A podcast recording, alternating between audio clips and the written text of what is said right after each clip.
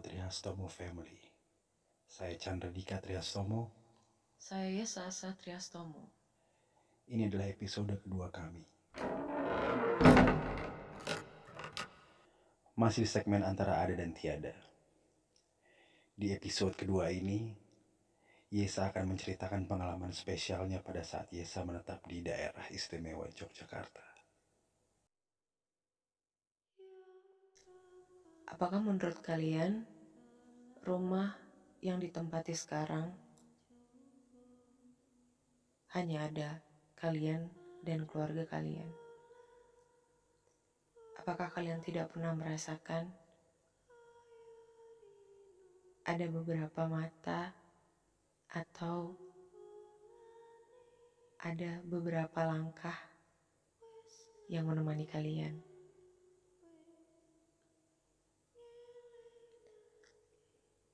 Kalau aku,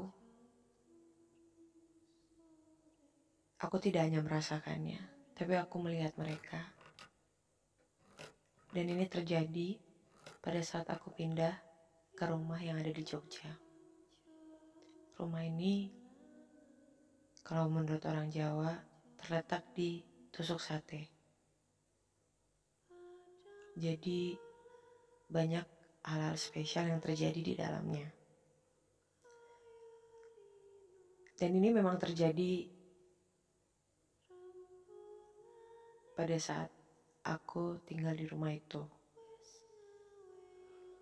Salah satu ceritanya adalah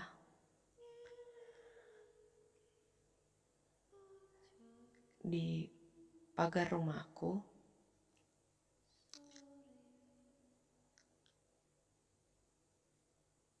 ada sesosok wanita yang selalu duduk dan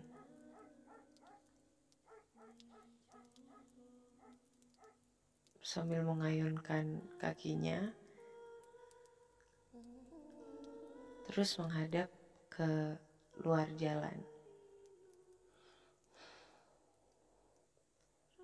Dan selain itu um, setiap aku mau mencoba untuk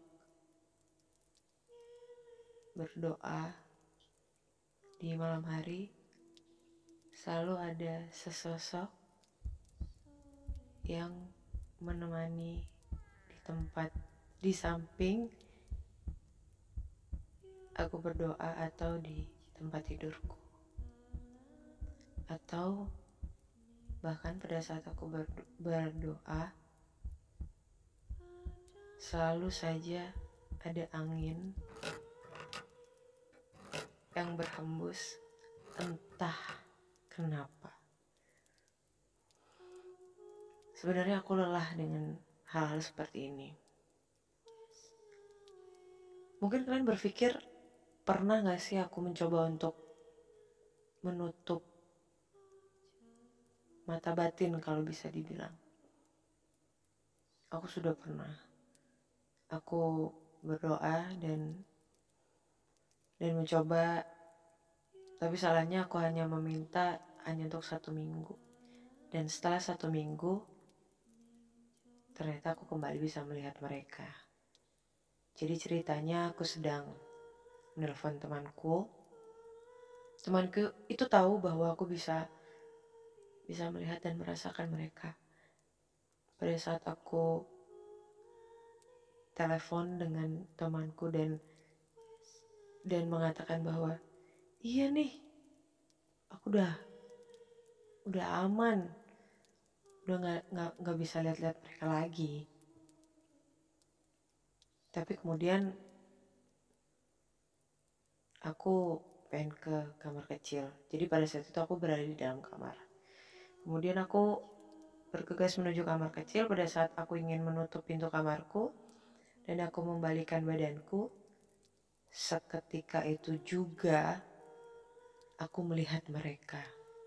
Dan ini di depan mataku dan dengan gambaran yaitu wanita dengan sosok yang sangat besar dan tinggi berada di depanku. Dan aku hanya bisa terdiam menatap setengah dari ya bisa dibilang adalah badannya untung di situ aku lagi telepon dengan temanku jadi aku langsung bilang oke okay, ternyata aku bisa melihat mereka lagi. Dan dari situ kejadian-kejadian yang spesial berlanjut. Jadi uh, pada saat itu aku mempunyai aku bilangnya uh, mbak ya jadi mbak yang membantu di rumah. Ternyata mbak itu lebih lebih lebih daripada aku. Jadi dia lebih menggunakan. Dia memang memang memang uh, mengasah kemampuannya seperti itu. Jadi dia mengatakan bahwa di samping rumahku itu adalah jalan menuju ya dunia yang lain. Dan ini ya percaya atau tidak ya aku kembalikan kepada teman-teman semua. Tapi di saat itu aku percaya karena apa? Setiap aku tidur di kamar mama aku. Jadi di rumah sebelah aku itu ada lahan. Lahan kosong. Nggak ditumbuhin apa-apa. Nah, ini aku tidur di di kamar mamaku di lantai atas. Setiap malam aku selalu mendengar suara delman. Suara langkah kaki kuda. Dan itu setiap hari. Dan apabila aku tidur di kamarku, di seberang kamar mamaku, aku mendengarkan suara ayam yang berkokok tidak pada waktunya. Tapi mungkin ada yang bilang ayam memang berkokok pagi jam 1 jam 2 tapi ini aneh berkokoknya seperti cuman ke ke seperti itu hal-hal ini tuh membuat aku tuh semakin nggak nyaman sebenarnya. Uh, aku nggak tahu apa yang bikin rumah ini sebegitu banyak hal-hal ganjil atau hal, -hal spesial. Dan ternyata aku baru tahu ternyata rumah aku itu um, ada diberikan se semacam sesajen atau menyan oleh teman dari sepuh jadi ya aku nggak bisa cerita lebih detail karena ini menyangkut keluarga turun temurun uh, cuman akhirnya um, mamaku tahu dan mamaku menyingkirkan itu semuanya tapi terlepas dari itu aku tetap bisa melihat uh, makhluk-makhluk spesial itu di rumahku jadi buat teman-teman semua yang merasa bahwa rumah kalian hanya kalian yang menghuni ya bersyukurlah karena sebenarnya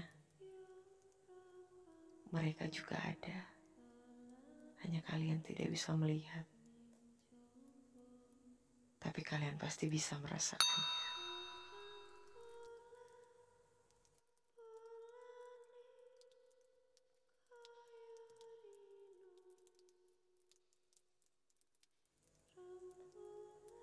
Apakah kalian pernah merasakan apa yang Yesa rasakan? Atau memang kalian pernah merasakan tapi kalian ingin mencoba untuk melupakannya? Kembali lagi di episode selanjutnya masih di segmen antara ada dan tiada.